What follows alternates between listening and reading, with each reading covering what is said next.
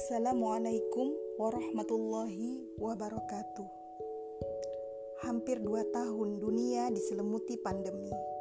1442 Hijriah adalah tahun kedua kaum muslim melaksanakan ibadah Idul Adha di tengah wabah corona. Terlebih di Indonesia, bukannya mereda, wabah malah makin menggila.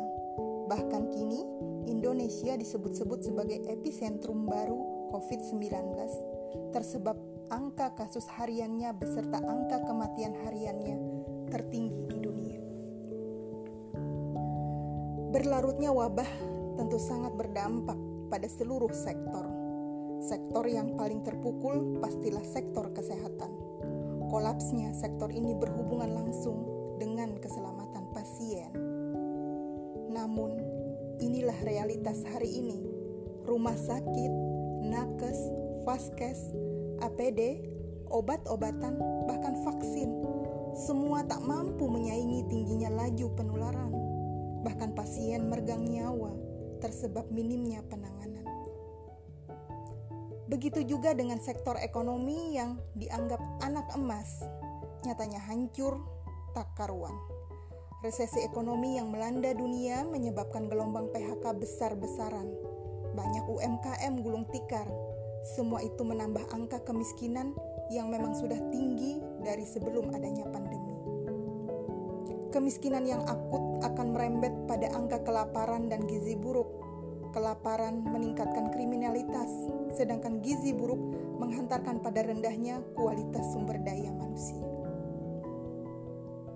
Sungguh nahas hidup sebagai rakyat kecil saat ini.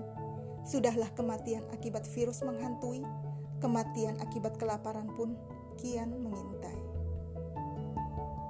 Yang tak kalah menyesakkan dada adalah ibadah kaum muslim tak bisa dilaksanakan dengan optimal. Serangkaian ibadah haji misalnya, mulai dari pembatalan pemberangkatan jemaah haji hingga dilarangnya sholat idul adha di masjid-masjid dan lapangan, menjadikan umat makin terjauhkan dari syiar Islam.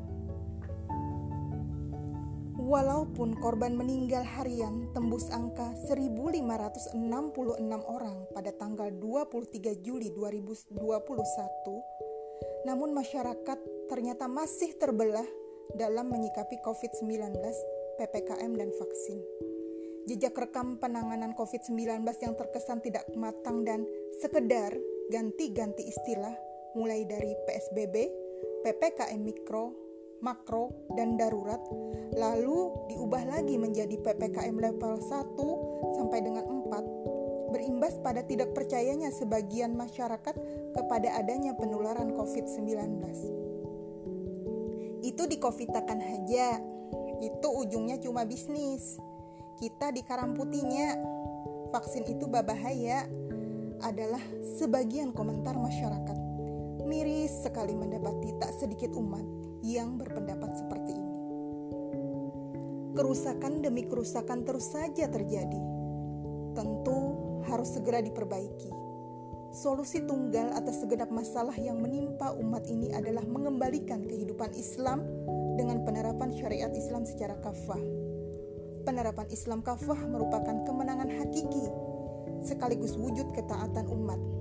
Ketaatan tentu memerlukan modal penting berupa keyakinan, keyakinan yang berlandaskan akidah Islam, keyakinan yang bisa menghantarkan ketaatan pada syariat, keyakinan yang bisa menghantarkan ketaatan pada seluruh perintah dari Allah Subhanahu wa taala tanpa ada terbersit keraguan sedikit jua pun.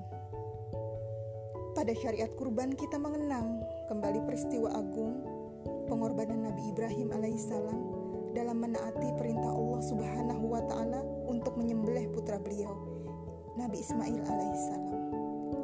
Bagi Nabi Ibrahim, Ismail adalah buah hati, harapan dan kecintaannya yang telah lama didambakan. Namun, di tengah rasa bahagia itu, turunlah perintah Allah kepada beliau untuk menyembelih putra kesayangannya. Beliau pun dengan penuh keyakinan tanpa keraguan sedikit pun menjalankan perintahnya. Begitulah hebatnya akidah keyakinan yang tertancap kuat dan tak tergoyahkan telah mampu melahirkan ketaatan total tanpa mempertimbangkan hal-hal duniawi. Keyakinan semacam ini seharusnya melahirkan kecintaan untuk kembali pada syariat Allah, tentu dengan sekuat tenaga menerapkan syariatnya dalam kehidupan.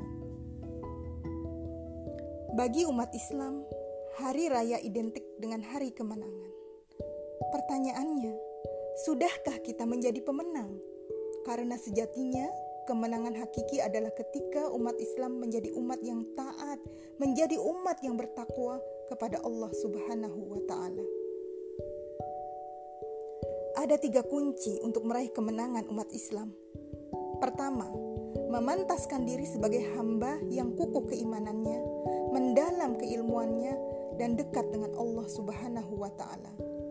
Kedua, maksimal dalam melakukan upaya perubahan dari suatu kondisi menuju kondisi lain yang lebih baik. Dan yang ketiga, sabar atas panjangnya perjuangan dan atas tipu daya musuh. Semoga Allah Subhanahu wa taala mudahkan kita meraih kemenangan umat Islam dan mari bergandengan tangan menjemput kunci demi kunci kemenangan tersebut. Allahu akbar. Assalamualaikum warahmatullahi wabarakatuh.